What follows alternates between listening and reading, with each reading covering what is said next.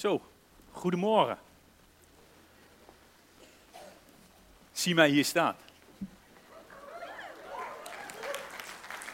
Dat zijn we niet zo gewend natuurlijk in de Stadskerk, zo uh, een spreker strak in het pak op het podium.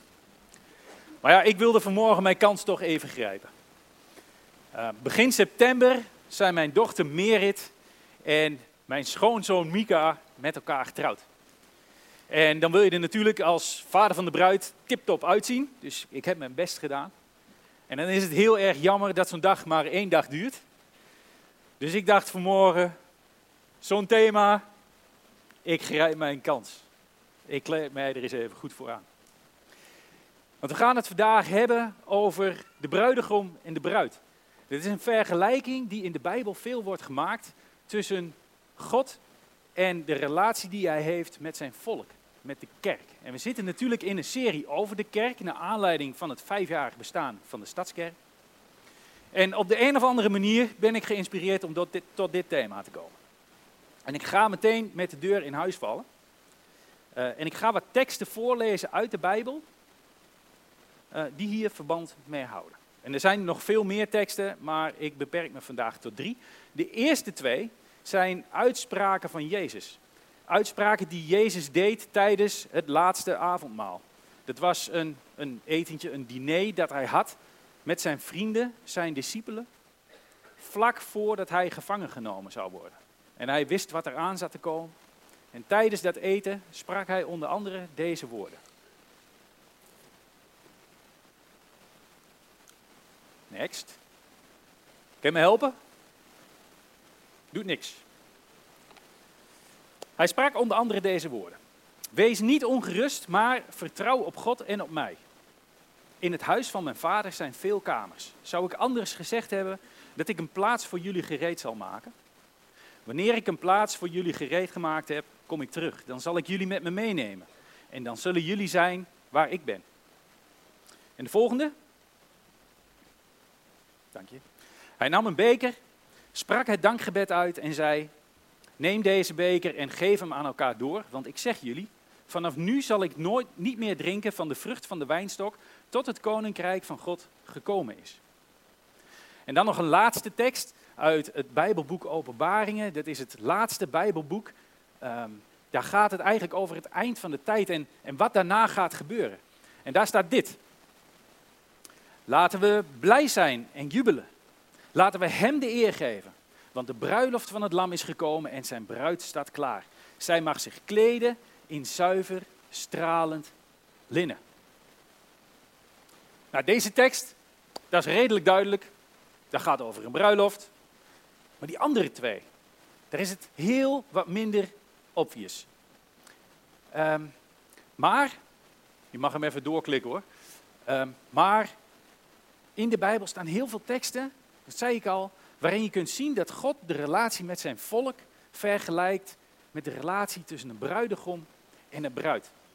En um, we zijn als kerk, zeg maar, verloofd met de bruidegom, met God. We zijn nog niet getrouwd. Dat zal gebeuren aan het eind van de tijd, als er een nieuwe hemel en een nieuwe aarde komt.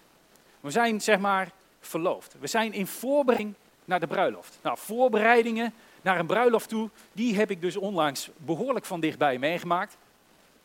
En dat is me nogal een dingetje. Uh, dat begint natuurlijk uh, met een aanzoek, dat wordt gedaan. Uh, dan moet er een vader om een hand worden gevraagd, in ons geval een vader en een moeder. Ehm, en, dan, en dan gaan de voorbereidingen beginnen. dan moet er een datum worden geprikt. er moet worden nagedacht over de locatie waar het moet allemaal moet gaan gebeuren. Wat voor feest gaan, gaan we geven? Wie nodigen we allemaal uit? Hoe moet het allemaal aangekleed zijn? Uh, wat doen we met de kleding? Nou, heel verhaal. En ik zou het ontzettend leuk vinden om dat allemaal in de detail uit te gaan leggen. Hoe dat uh, bij ons ging en bij Merit en Mika. Maar daarvoor zijn jullie natuurlijk vanmorgen niet je bed uitgekomen. Dus dat gaan we niet doen. Maar ik wil jullie wel meenemen um, een beetje naar hoe dat ging in de tijd van Jezus. En hoe ging dat in die tijd? Nou, een bruidegom ging met zijn vader naar het huis van de bruid en klopte daaraan. In die tijd hadden papa en mama zeg maar, nog heel erg veel invloed op de keuze van de wederzijdse partners. Al is het ook echt niet zo dat ze maar gewoon aan elkaar uitgehuwelijkt werden, maar er was wel degelijk meer invloed. Dus papa en bruidegom gingen naar het huis van de bruid, klopten daar aan. Uh, keek de bruid even door het raampje, denk ik. En als ze dan niet dacht van, oh nee, niet hij. Nou, als ze dat dus niet dacht, dan werd de deur open gedaan. En dan was het de bedoeling dat de bruid, bruidegom en zijn vader, en ik vermoed maar zo, maar dat is echt eigen invulling, ik vermoed maar zo dat moeder er ook wel bij is geweest. Dan werd er een diner geserveerd, waardoor de bruid werd klaargemaakt.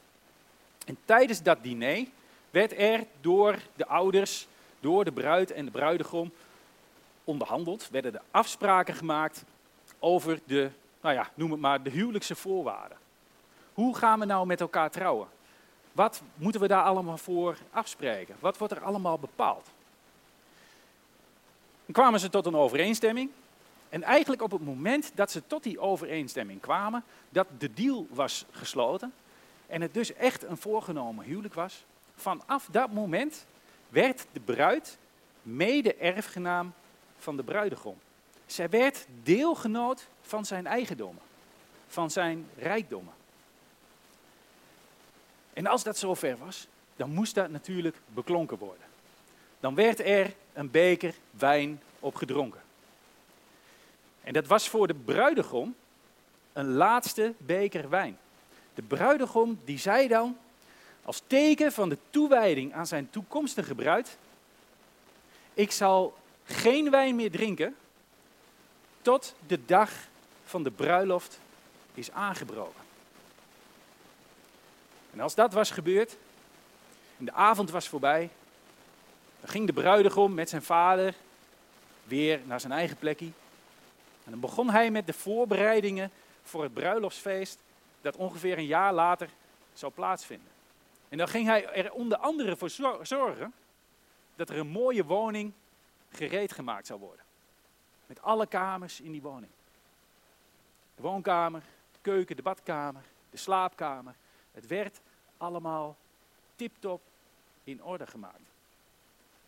Ik denk dat je nu al wel de relaties ziet die er zijn met die uitspraken die Jezus heeft gedaan. Misschien kun je even gaan naar de volgende slide. Hij nam een beker, sprak het dankgebed uit en zei: Neem deze beker geef hem aan elkaar door.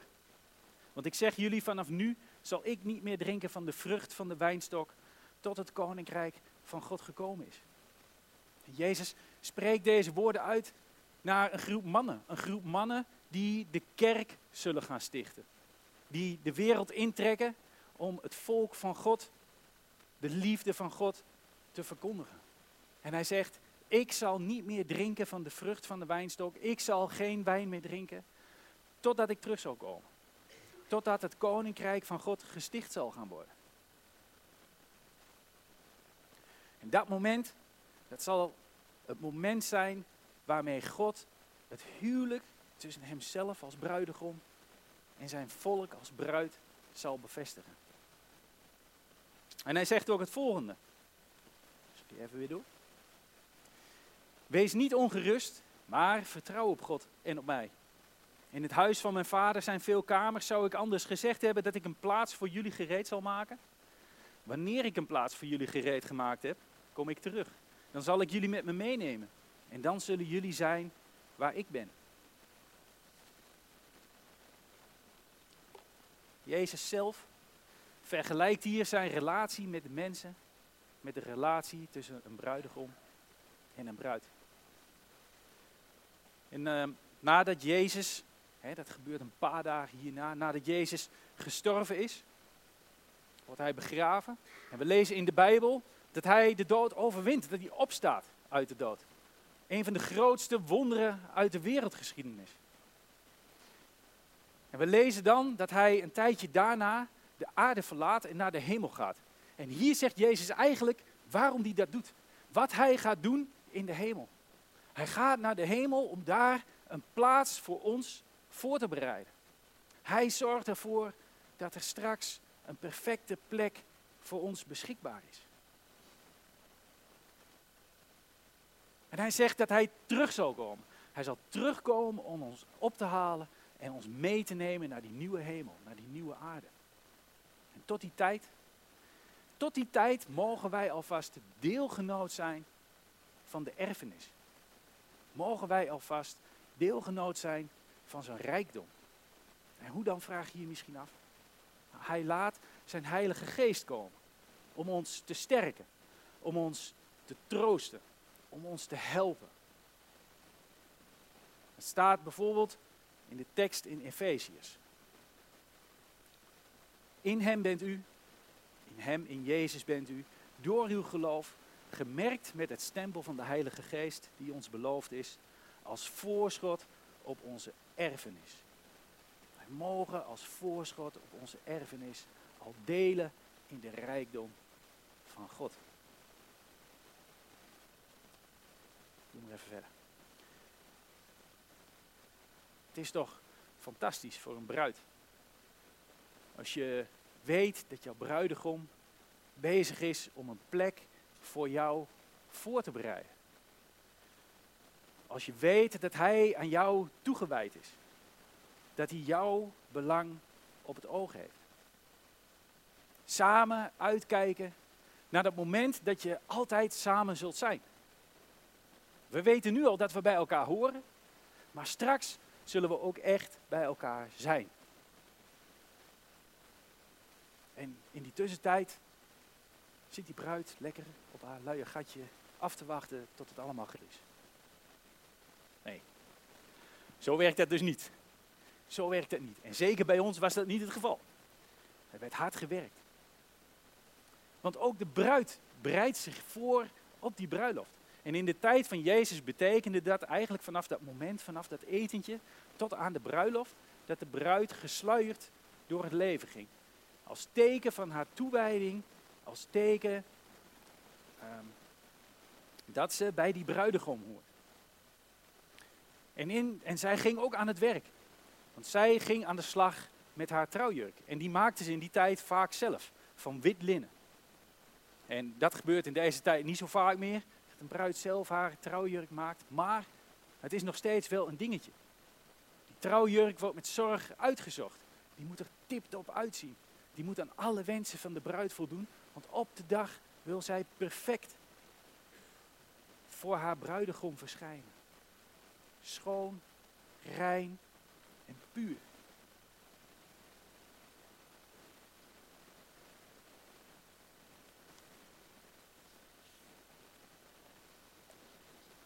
Dat is eigenlijk die laatste tekst die ik net heb voorgelezen.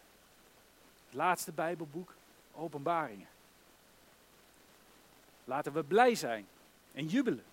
Laten we Hem de eer geven. Want de bruiloft van het lam is gekomen en zijn bruid staat klaar. Zij mag zich kleden in zuiver, stralend linnen.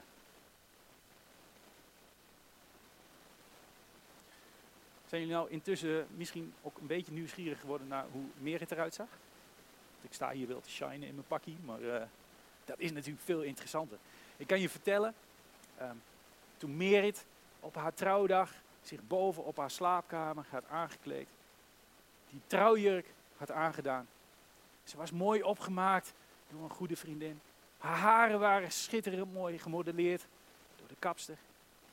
En ik moest in de kamer klaar gaan staan samen met, met Seb. En daar kwam Merit de trap af. En toen ze het hoekje omkwam en ik haar zag in, in volle glorie, toen schoot ik vol. En ik merk zelfs nu dat ik er niet te veel over na moet denken. Want er gebeurt me meteen weer. Zo prachtig dat ze eruit zag. Mag, mag ik heel even de trotse vader uithangen? Ja? Nieuwsgierig? Laat hem eens zien.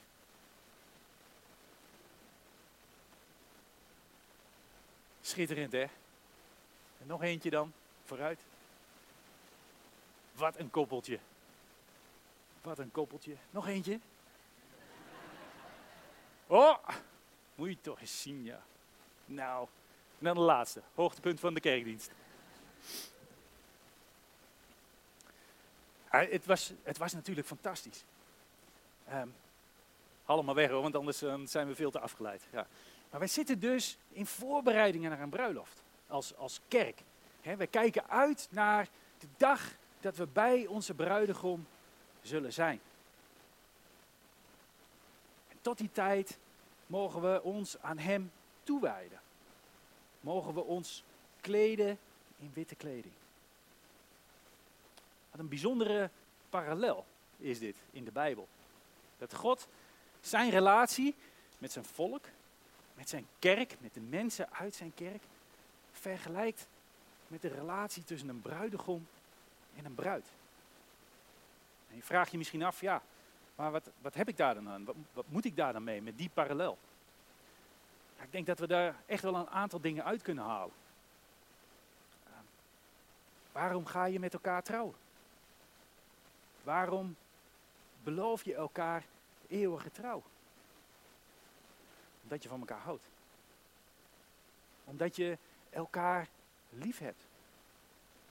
Hoe bijzonder is dan het feit dat God zichzelf ziet als bruidegom ten opzichte van zijn volk, van de kerk.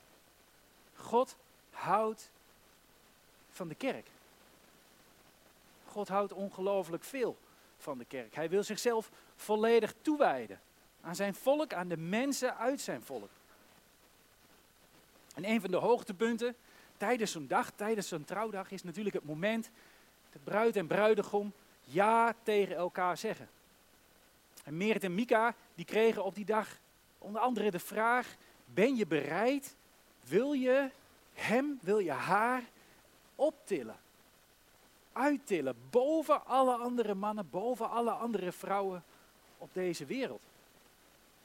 Wil je hem, wil je haar belangrijker maken dan ieder ander op deze wereld? Dat is eigenlijk de vraag die jij vandaag krijgt.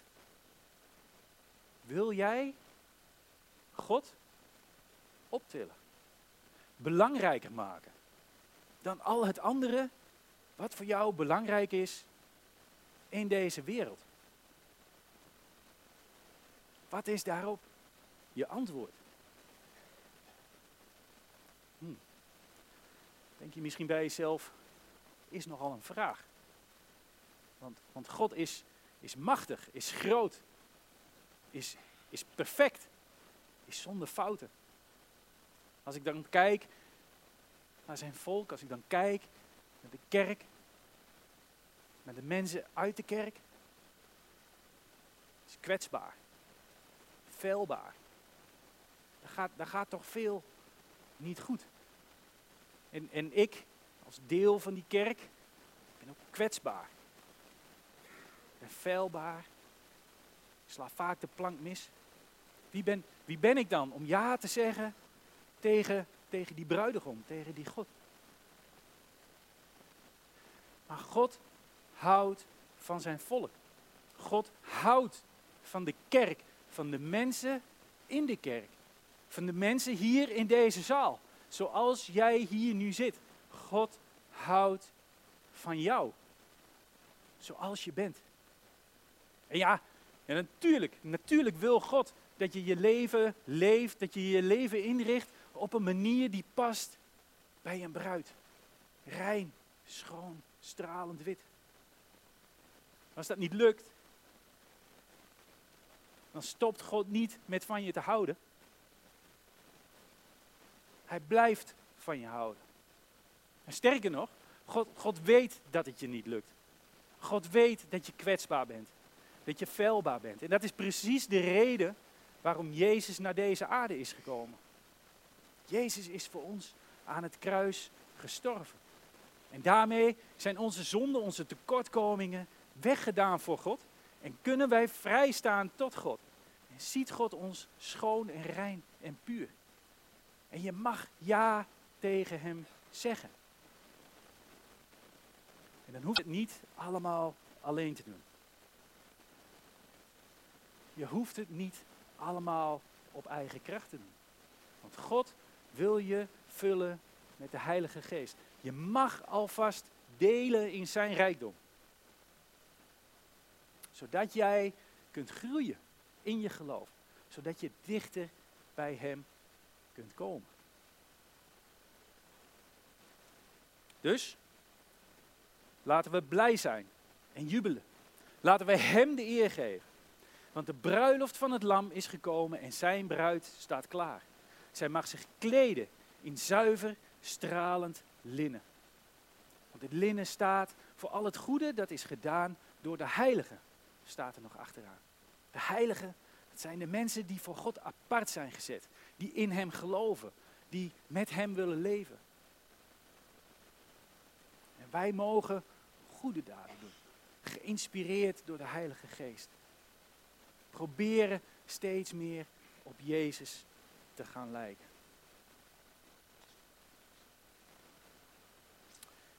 Wil jij klaarstaan voor God? Wil jij deel uitmaken van zijn volk? Deel uitmaken van zijn bruid? Zeg dan ja. Zeg dan ja tegen God. Zeg dan ja tegen Jezus. Geloof dat God jouw bruidegom wilt zijn. Geloof dat Jezus voor jou is gestorven. En ontvang alvast een stukje van die erfenis. De Heilige Geest. En kijk met mij mee uit naar een geweldige toekomst. Straks, als er een nieuwe hemel en een nieuwe aarde komt en het bruiloftsfeest gevierd gaat worden. We gaan luisteren naar een lied van Eline Bakker.